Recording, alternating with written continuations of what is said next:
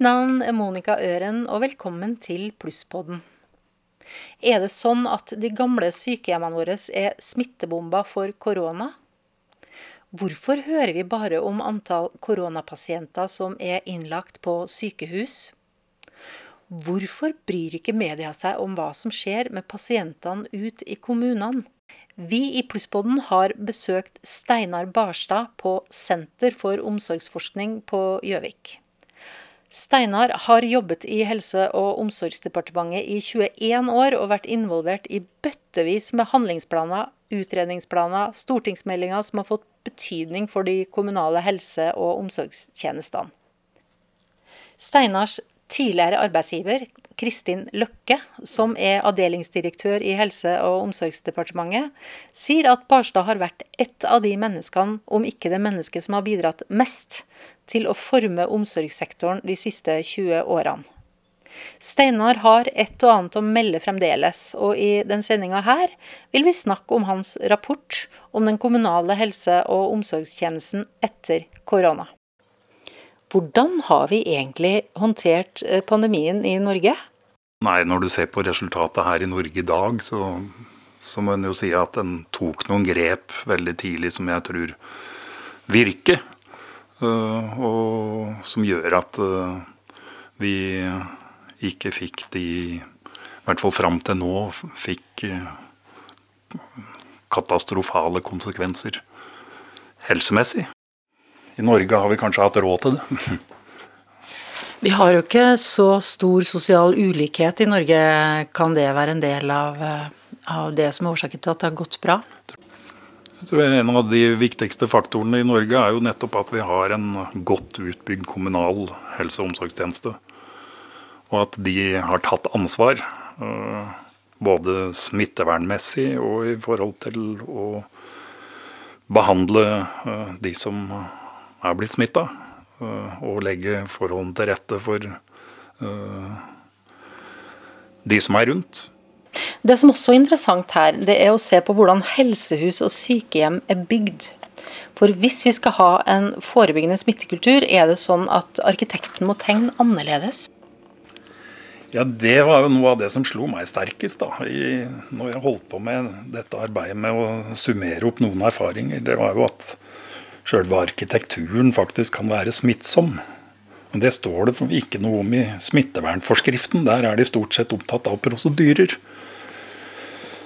Og Det viktigste eksempelet, eller det mest slående eksempelet på det fant vi jo ved Metodisthjemmet i Bergen, hvor, hvor eh, en svært stor andel av beboerne ble smitta, og hvor det ble mange døde. Og Det var en institusjon som, som skulle ha vært skifta ut, og, og, hvor en skulle ha modernisert bygningen, og hvor fylkesmannen uh, sier at uh, i en tilsynsrapport at det var bygningsmassen og hvordan den bestemte organisering av tjenestene som var grunnen til at smitten kom inn, og at de ikke hadde mulighet for å stoppe den uh, når den først var kommet innomhus. Dette handler jo om at uh, du må ha rom uh, med eget bad, egen do.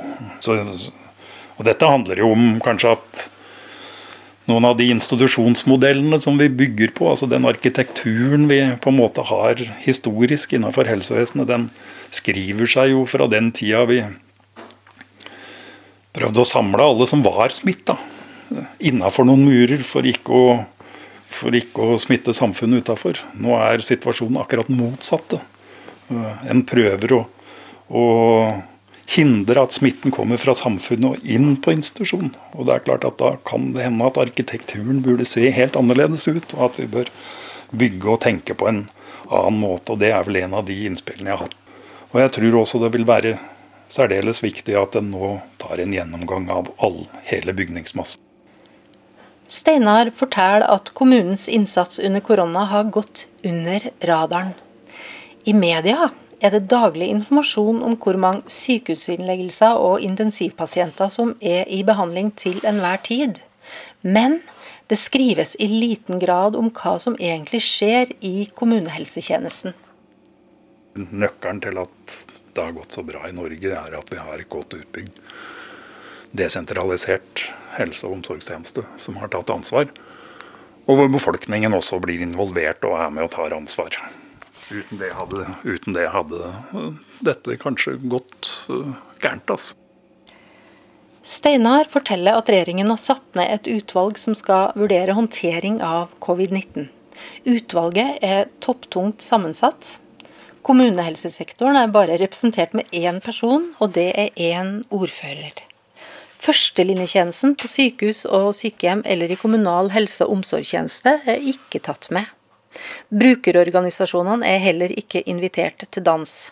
Hva dette betyr for utvalgets tillit og legitimitet, får vi ikke vite noe om før til våren, altså da i 2021. Her er det jo egentlig en dominoeffekt. Fordi en først satte i gang å rydde sykehussektoren for å få plass til intensivplasser. Og så sa en at uh, da fikk kommunene ta seg av de pasientene som ikke lenger kunne få plass på sykehus. Og det var mange forskjellige kategorier pasienter som da ble avvist, og som kommunene selv måtte ta seg av. Og så ble det sagt at kommunene måtte prioritere. Og det fungerer vel på den måten at det sykehusene ikke tar seg av, det må kommunene ta seg av. Og det sykehjemmene i kommunene ikke kan ta seg av, det må hjemmetjenesten og de pårørende ta seg av. Og til slutt så sitter nok kanskje de pårørende igjen med den store belastningen. Det må jeg si at jeg er blitt opptatt av. At sånn kan vi ikke ha det om vi skulle bli ramma av en sånn pandemi i framtida. Man skulle jo tro at det var viktig å finne ut hva slags erfaring pårørende og ansatte i kommunehelsetjenesten har fått når ensomheten kom inn i hver en krok i landet er det to grupper pårørende. Den ene gruppa de ble avvist ved døra og fikk ikke lov til å besøke sine nærmeste. Og fikk ikke lenger stille opp. Selv folk som hadde vært og besøkt sine hver dag og hjelpa til med, med måltider på sykehjem, de slapp ikke inn. Og så har du den andre gruppen pårørende som mista dagtilbud, mista avlastningstilbud, mista korttidsplassene og måtte ta seg av sine hjemme. Og det var de pårørende der som har fått den store belastningen i den, i, i den perioden vi både av smittevernhensyn og av prioriteringshensyn måtte ta ganske mange tøffe grep. Men det har jo ikke blitt eh, veldig stort fokus på det i media? Nei, det var stort fokus på de som ikke slapp inn på sykehjem. Det skjønner jeg, altså, for det var mange hjerteskjærende historier. Eh, rundt det. Men eh, det jeg tror var en av de største belastningene pårørende fikk, det var de som hadde sine hjemme. De som stelte sine demente ektefeller. Og som nå i tillegg til at de mista mange av sine tjenester, heller ikke fikk avlastningsopplegget som de alltid har hatt, og som har vært pusterommet de har hatt for å kunne stå i tøffe omsorgsoppgaver. Men hva skjedde med hjemmeboende eldre under pandemien? Fikk de den hjelpa de hadde krav på, egentlig? Nei, her hadde, jo, hadde vi jo problemer fordi statlige myndigheter faktisk åpna opp for at en som helt juridisk kunne fravike å gi tjenester som folk etter loven hadde rett på. Og Det ble selvfølgelig begrunna i smittevernhensyn, men det ble også begrunna med utgangspunkt i prioritering. Og det syns jeg er verre, da. Jeg kan forstå at en ut ifra smittevernhensyn må, måtte gjøre en del ting, men at en ut ifra prioriteringsårsaker skulle øh, gjøre noe som førte til at folk mista sine rettigheter nettopp når de hadde aller mest bruk for disse tjenestene, det syns jeg har vært vanskelig. Og det er de som er nederst ved bordet, som har, har eh, mistet rettighetene sine. Og, og det er de hjemmeboende.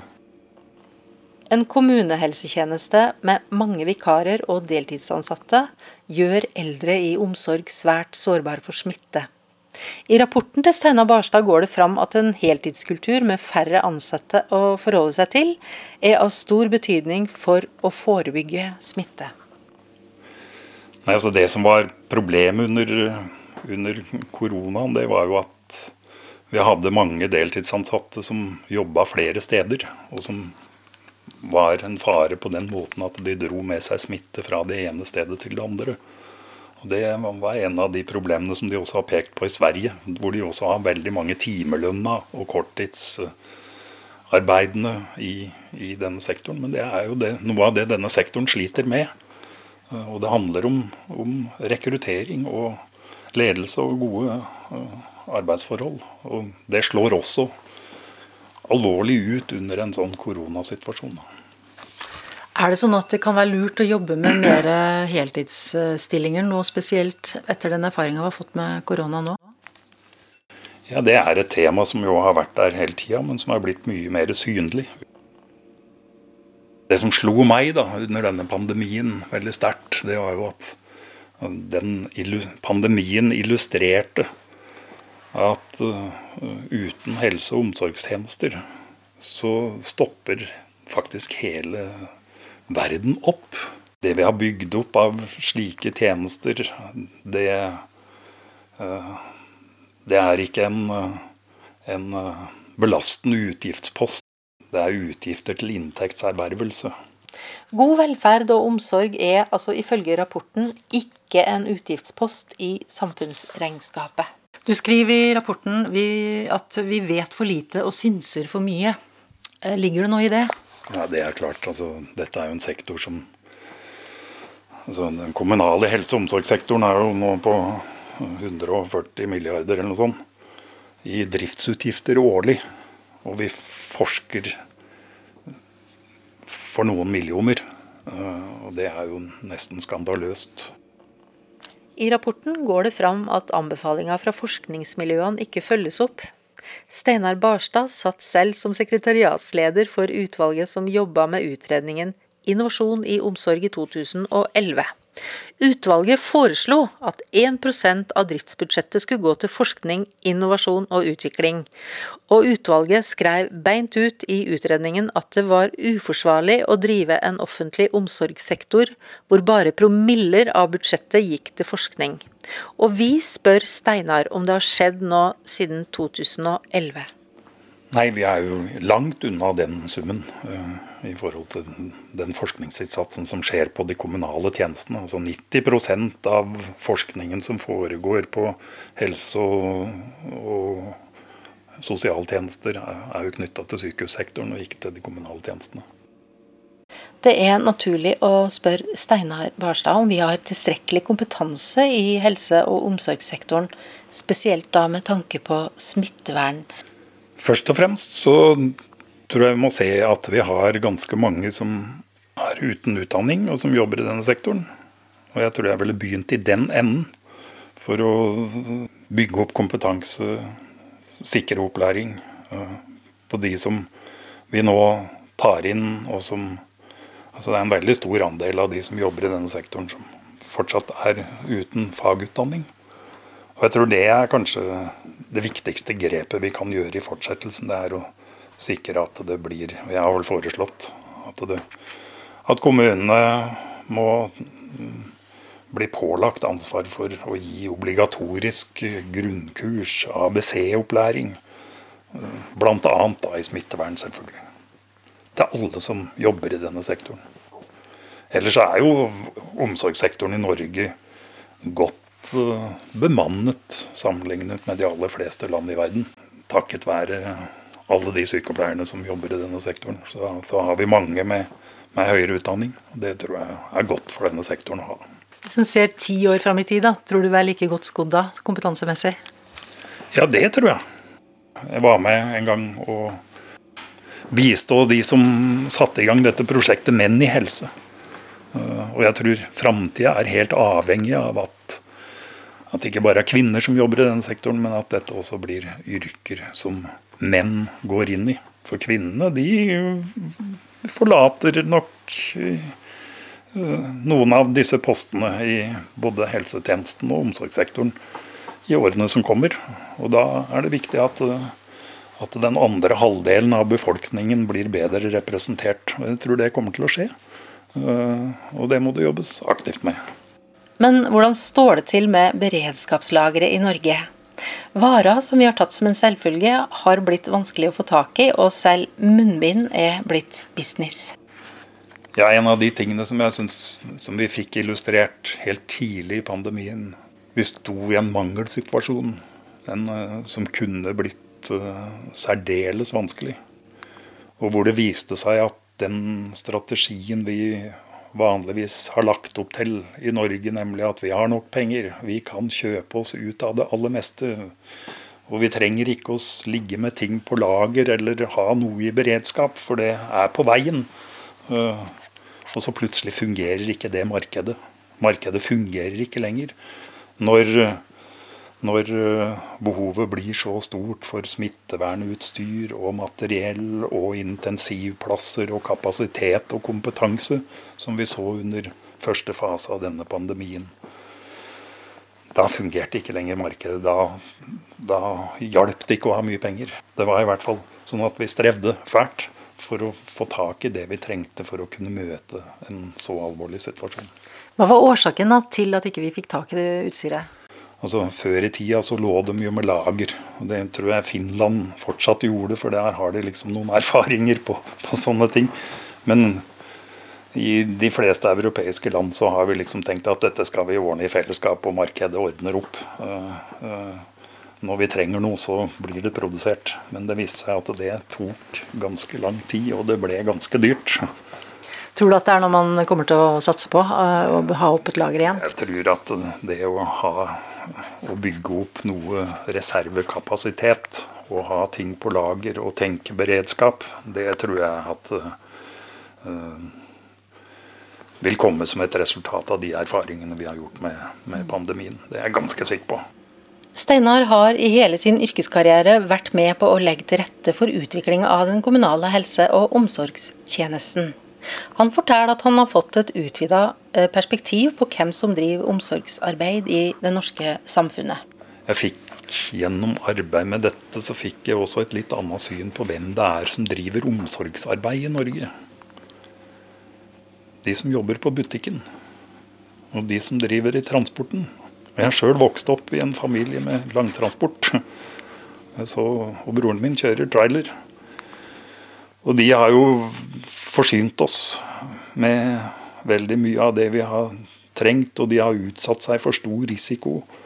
Eh, både de som sitter i butikken, og de som driver i transporten, og en del andre yrkesgrupper som kanskje har vært undervurdert. De er en del av eh, omsorgssektoren i Norge. Og det syns jeg har vært mm, altså, Det har vært spennende å se, og jeg tror liksom vi, vi må utvide begrepet. Siste ord er ikke sagt om korona i den kommunale helse- og omsorgstjenesten i Norge.